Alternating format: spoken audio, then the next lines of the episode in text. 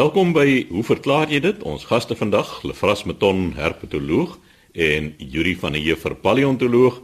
Yuri, jy's eerste aan die beurt. Die vraag is, waar kom die sout in die see vandaan? Chris, ons het 'n brief ontvang van Dirk Visser van Bloemfontein en hy het 'n vraag oor die soutvlakke in die see en hy sê dat hulle as gesin het op 'n dag gesels oor die soutvlakke in die see. Nou weet ek nie hoe groot sy kinders is nie, maar ek het dit goed gedink as daar genoeg tyd is, dan wil ek sommer ook 'n klein veeverhaaltjie by die antwoord insluit. Hy sê die volgende vraag tuister hom. Was die see aanvanklik vars?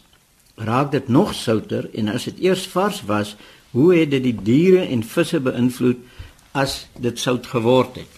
Nou ja, as ons nou dink aan uh, waar die see vandaan kom, dan sê die geoloog vir ons, maar ehm um, ons kan dink aan die see se ouderdom iets soos plus minus 3.8 duisend miljoen jaar gelede.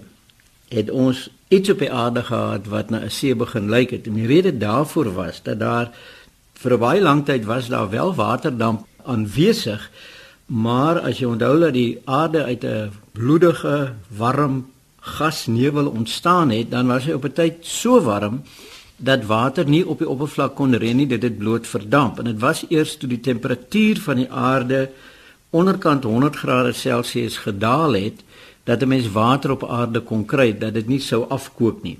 So teen daai tyd sê die geoloë vir ons en die marine manne dat ons toe die verskyning gehad het van 'n vlak see op aarde En aanvanklik sou dit nou natuurlik varswater gewees het, maar as ons kyk dat die siklus soos ons dit vandag ken, is dit dat ons het koolsuurgas in die atmosfeer wat met water verbind, met waterstofmolekules verbind en dit vorm 'n uh, swak suur. Die eerste vorms van lewe was eensellig geweest. So ons kan nie soos jy hier in jou brief sê aanvanklik dink dat daar visse en diere gewees het nie. So van die lewensvorms wat toe ontstaan het, was eensellig en het eers later meersellig geword. Juri, miskien is dit nogals belangrik om op hierdie stadium van die gesprek te dink, wat is die probleme wat 'n eensellige organisme en dan ook meersellige organismes in vars en soutwater sal hê? En miskien het jy die antwoord. Ons weet dat osmose is 'n groot probleem die beweging van water van lae sout na hoë soutkonsentrasie. Dis 'n baie belangrike aspek, Lafras, en ek dink ons het al in die verlede ietsie daaroor gesê en die vraag was so geformuleer gewees: drink visse water? En dis juist soos jy genoem het, die probleem is dat water beweeg deur osmose, kan mense dit eenvoudig sien as dat water beweeg van 'n hoër konsentrasie na 'n laer konsentrasie. Toe as jy dan 'n vis het wat in 'n marine omgewing bly met die hoë soutgehalte buite die vis relatief dan lae waterkonsentrasie dan gaan die water uit die vis uit in die see beweeg. So seevisse drink water. Maar varswatervisse het 'n heeltemal 'n ander storie deurdat die bloed is inderwaarheid souter as die omgewing. So die water gaan in 'n by 'n varswatervis almekaar in die vis inbeweeg en hulle gaan letterlik verdrink. So hulle moet water uitskei.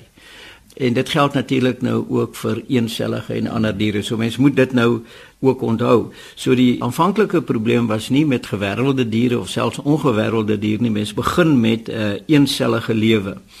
En so gou as wat jy reën het, beteken dit dat op land val die reën, dit verbind met 'n uh, koolsuurgas en dit vorm koolsuur en dit verteer die rotse van die aarde, dit verweer dit, dit gaan in oplossing en jy hele klomp katione en anione wat nou in die riviere afvloei see toe.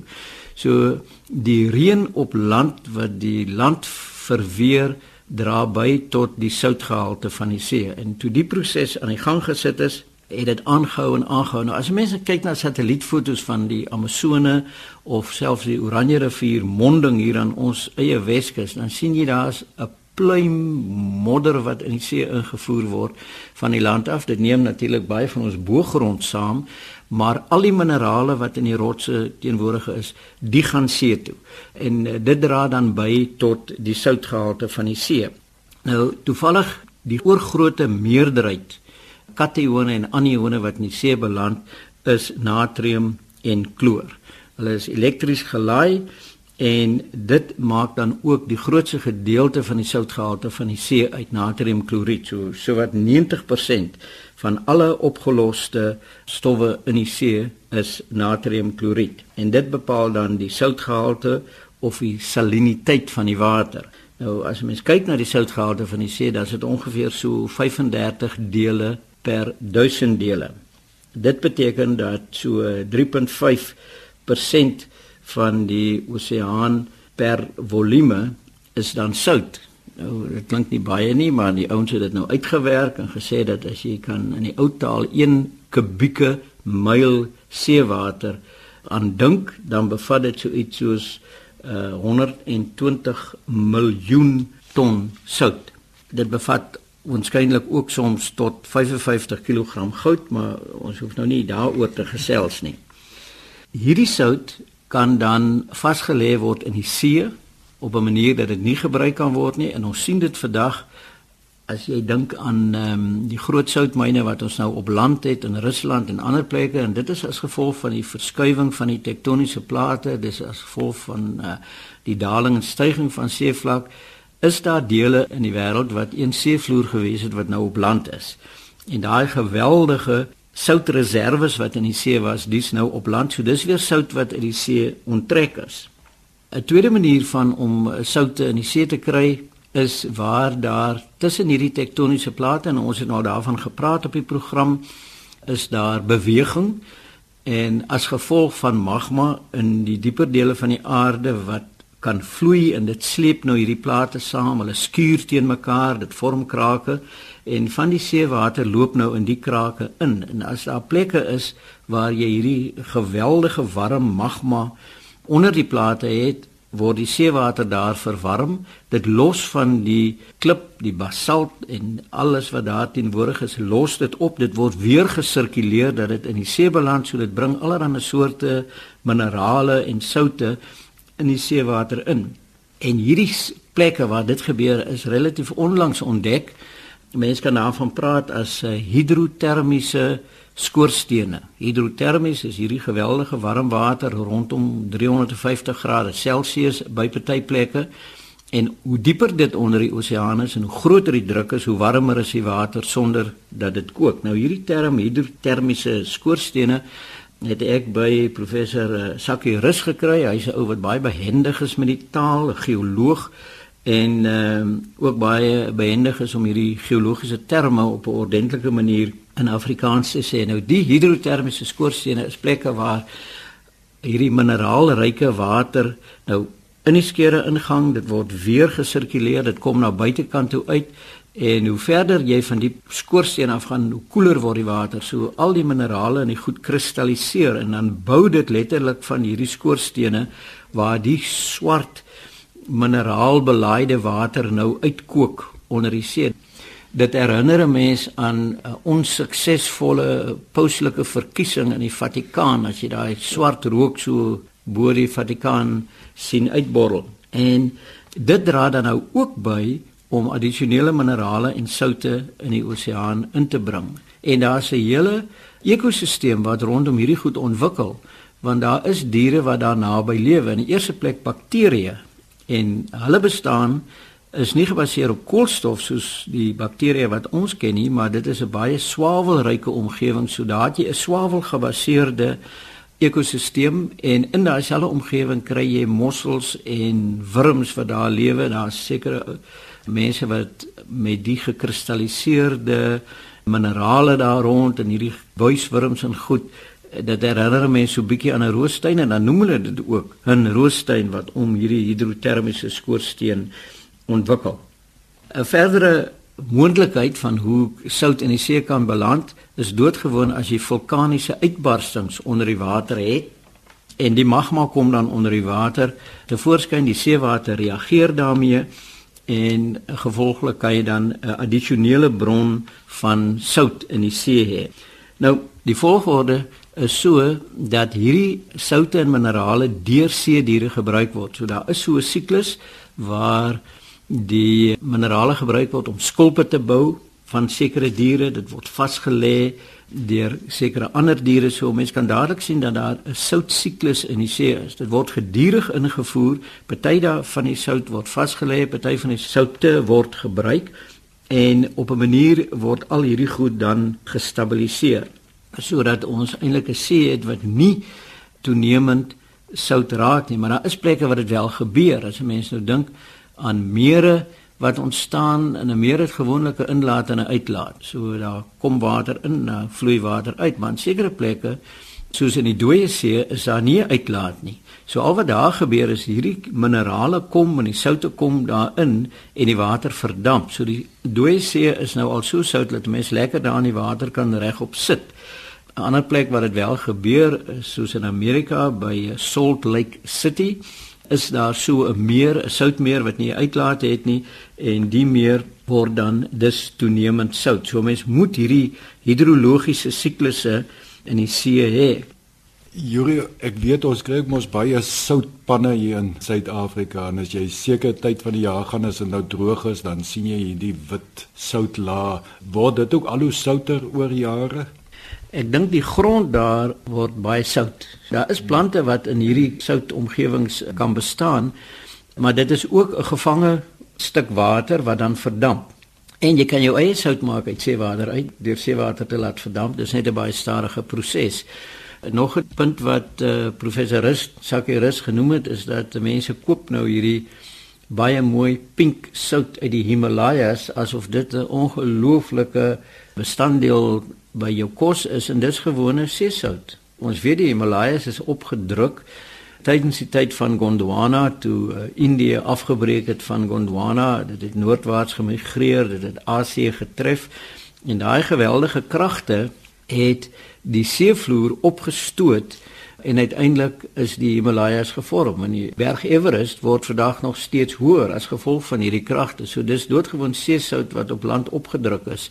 Daar is 'n groot probleem wat ons ook nog het nou met aardverwarming en met die toename in koolstofgas in die atmosfeer want hoe meer koolstofgas daar in die atmosfeer is, hoe meer kan dis assosieer dit vorm HCO3 met eh, waterstof, dis koolsuur en dit dissosieer om dan karbonaat te vorm wat deur die see diere gebruik word en deur die skulpe, maar met daai dissosiasie kan daar karbonate met mekaar versmelt sodat jy bikarbonate kry en dan is daai goed ontoeganklik vir die see diere sodat die skulpe begin oplos en begin verweer. So die koolstofgas is nie net 'n probleem op land nie, dis gevaarlik vir die see.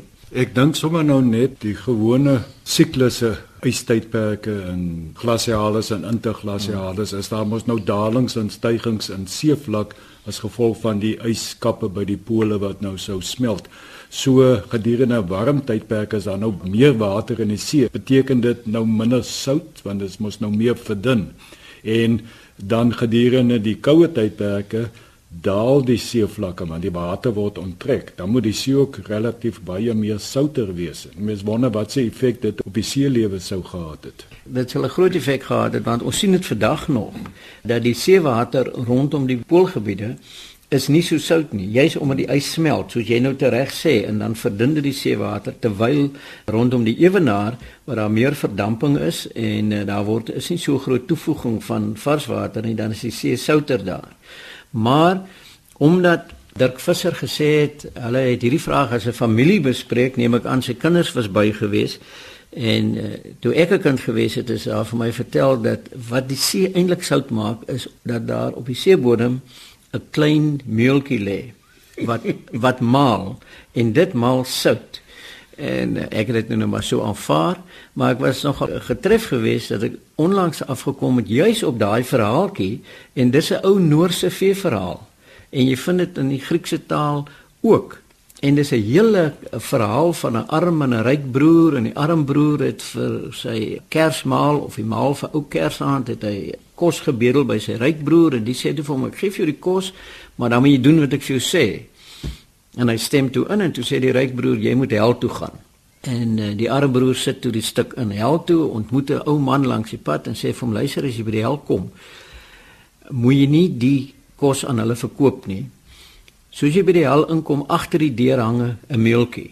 en jy moet sê jy wil die kos ruil vir die meeltjie, dan bring jy hom vir my, dan sê ek vir jou wat jy daarmee kan doen. En toe hy nou die meeltjie terugbring, toe wys die ou man vir hom hoe om nou die meel te gebruik en hy maal toe 'n uh, ou kersaand maaltyd uit vir hom en sy vrou van ongelooflike omvang. Toe hoor die ryk broer daarvan en die sê: "Goed, ek kop hom by jou." En hy sit toe die stuk in Konstantinopel toe met die meeltjie. Hy is op 'n boot, die kaptein van die boot sê maar hy wil die meeltjie by hom koop. Hy koop die meeltjie want die kaptein wou sout maal en verkoop. En hy begin sout maal en die vrag raak so swaar dat die boot toe sink. En daarom is die meeltjie vandag op die seebodem en hy maal nog steeds sout. So in die vee verhaal is dit hoekom die see sout is. Nee, ja, daardie slaaptyd storie is dan vir ons vertel deur ons paleontoloog Yuri van der Heever. Lefras, jy gesels oor blou blaasies. Ja, dankie Chris. Ons het 'n skrywe ontvang van Tilde van der Westhuizen van Pretoria oor blou blaasies. Nou ek weet nie veel van blou blaasies af nie. Al wat ek kan sê, 'n blou blaasie is definitief nie 'n akedus nie. Ek het dan in my voorgraadse studies bietjie kennis gemaak danksy uh, Dr Willem Cirkel 'n dosent van my, so ek onthou nog so vaag weg van blou blaasies en ek onthou dat 'n blou blaasie is nie 'n enkele individu nie. Dit is 'n kolonie van individue. En ja, 'n blou blaasies is lid of die spesies is natuurlik lid van die phylum Nidaria.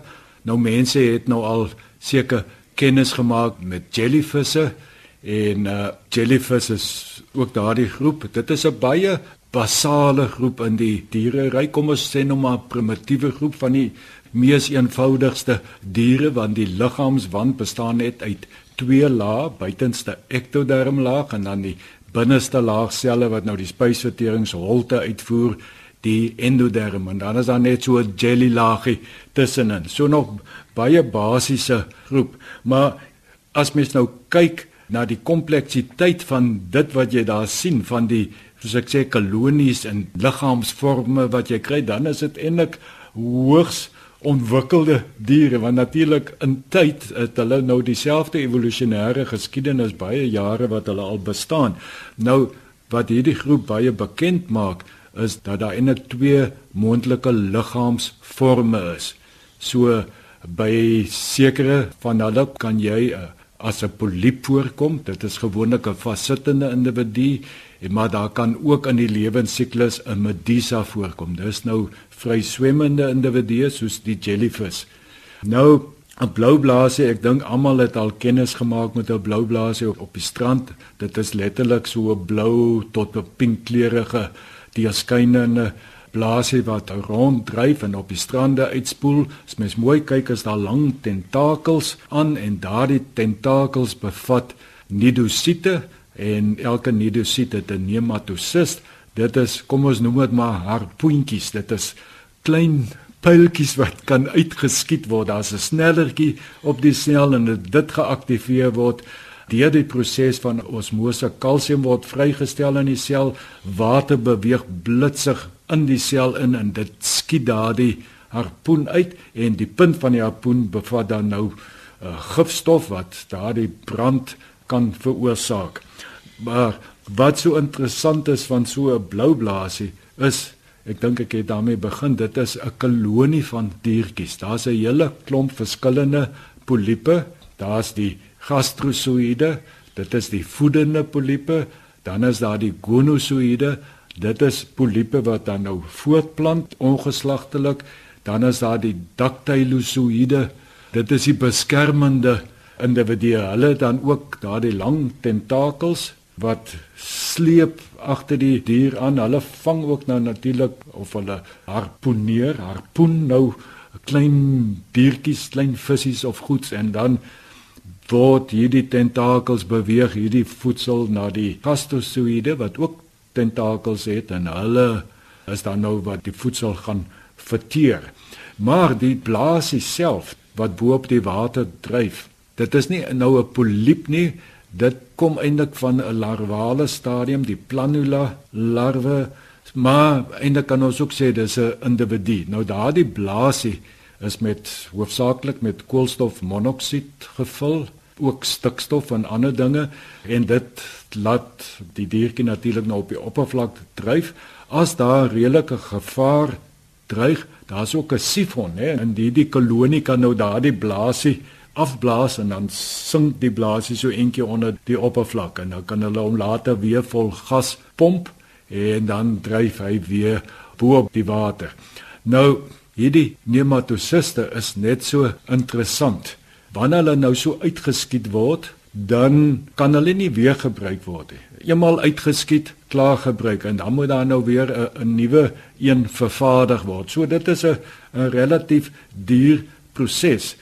Maar wat nou interessant is, is so 'n lang tentakel. Daardie tentakels van 'n bloublaasie kolonie kan tot tussen 10, ek dink die langste is hier by 30 meter rond, wat dit so in die water kan dryf. So as mens daar swem in die water, die bloublaasie mag baie ver van jou wees. Jy sal hom nie sien nie, maar die tentakel is daar. En baie keer hierdie tentakels lank nadat die tentakels afgebreek het, dan is daardie nematosiste kan nog hulle werk doen en so die tentakel kan daar lê en as jy daardie brand op jou kry of as jy in die water swem dan kan dit nou jou lelik brand. Maar wat interessant is dat daar is baie diertjies wat nou hierdie blou blaasies eet. Daar's hierdie see is 'n slak, hulle noem hom die see swaal. Hy eet die blou blaasies dan dan kry hy daardie neurosite, die nematosiste, die harpoentjies dan versamel hy hulle op die punte van hy sulke uitsteeksels op sy lyf. Daar sit die nematosis en dan gebruik hy die nematosis. So hy steel die nematosiste by die blou blaasies en wende dan aan vir sy eie doeleindes. Dis interessant. Ons het natuurlik by ons op die strande goed wat so steenslakke lyk, die sogenaamde ploegskulpe, want hulle ploeg in die sand in. Jy sien hulle nie. Maar as jy nou langs die strand loop en jy kry 'n blou blaasie wat uitgespoel het, en dan wag jy net totdat so klein brandertjie oor die sand spoel en dan sit jy die blou blaasie in die water. Die chemiese stowwe wat van die blou blaasie afkom, aktiveer dadelik daai ploegskulpe want as die water oor daai gebied loop, dan sien jy dan kom hulle in tientalle uit die sand uit en hulle mik almal vir die blou blaasie om hom te gaan eet. Nog iets wat ek aan gedink het, daar is 'n 'n blou blaasie wat 'n mens aan die kus van Australië kry. Ek weet nie wat die Afrikaanse naam is nie. Hulle noem dit die box jellyfish. En dit kan jou doodmaak. Ja. Daai gif is goed genoeg om jou dood te maak. Ja, daardie interessant genoeg wat jy nou van praat, dit is nou 'n jellyfish. Ja. Dit is 'n enkel individu. Dit is nou nie 'n kolonietjie nie en daar's nou nie so 'n blaas nie, maar hulle is dodelik. Ja. Nou mense dink nou altyd as jy nou so deur 'n blou blaasie se tentakels bygekom word, wat moet jy maak? Nou sê hulle jy moet die laaste ding wat jy moet doen is moenie met vars water afspoel nie, want die vars water aktiveer daardie nematosiste wat nou nie afgegaan het nie, omdat die vars water gaan die osmose proses aanhelp en dan gaan daar nog nematosiste afgevuur word. En moet nooit afspoel deur regop te staan met spoel nou met seewater of soutwater af en moenie die persoon laat regop staan dat die water afvloei na die voete toe nie want daar is nog altyd 'n klomp nematosiste. Onthou dit is mikroskopies klein goedjies. Hmm. En in daardie proses wat dit teen die bene afspoel hierdie nematosiste wat nou nog aktief is, gaan hulle die snellertjie gaan gedruk word en hulle gaan ook nog afgevuur word. Hmm. En dan gaan jy sien nie aan die onderkant van jou bene het jy nou nog nuwe brande wat plaasvind. Ek het gehoor dat indien jy dit het, is asyn 'n goeie middel om te gebruik. Ek het ook so gehoor asyn, maar dit ook gelees ja, maar in sommige gevalle kan asyn ook die goed laat verder afvuur die nematosiste. So ek sal maar hou by die net met seewater af te spoel terwyl horisontaal gelê word. So sê Lefras Meton, ons herpetoloog, die tyd het ons alweer ingehaal. Skryf gerus aan, hoe verklaar jy dit? Posbus 2551 Kaapstad 8000 of stuur 'n e-pos aan chris@rsg.co.za.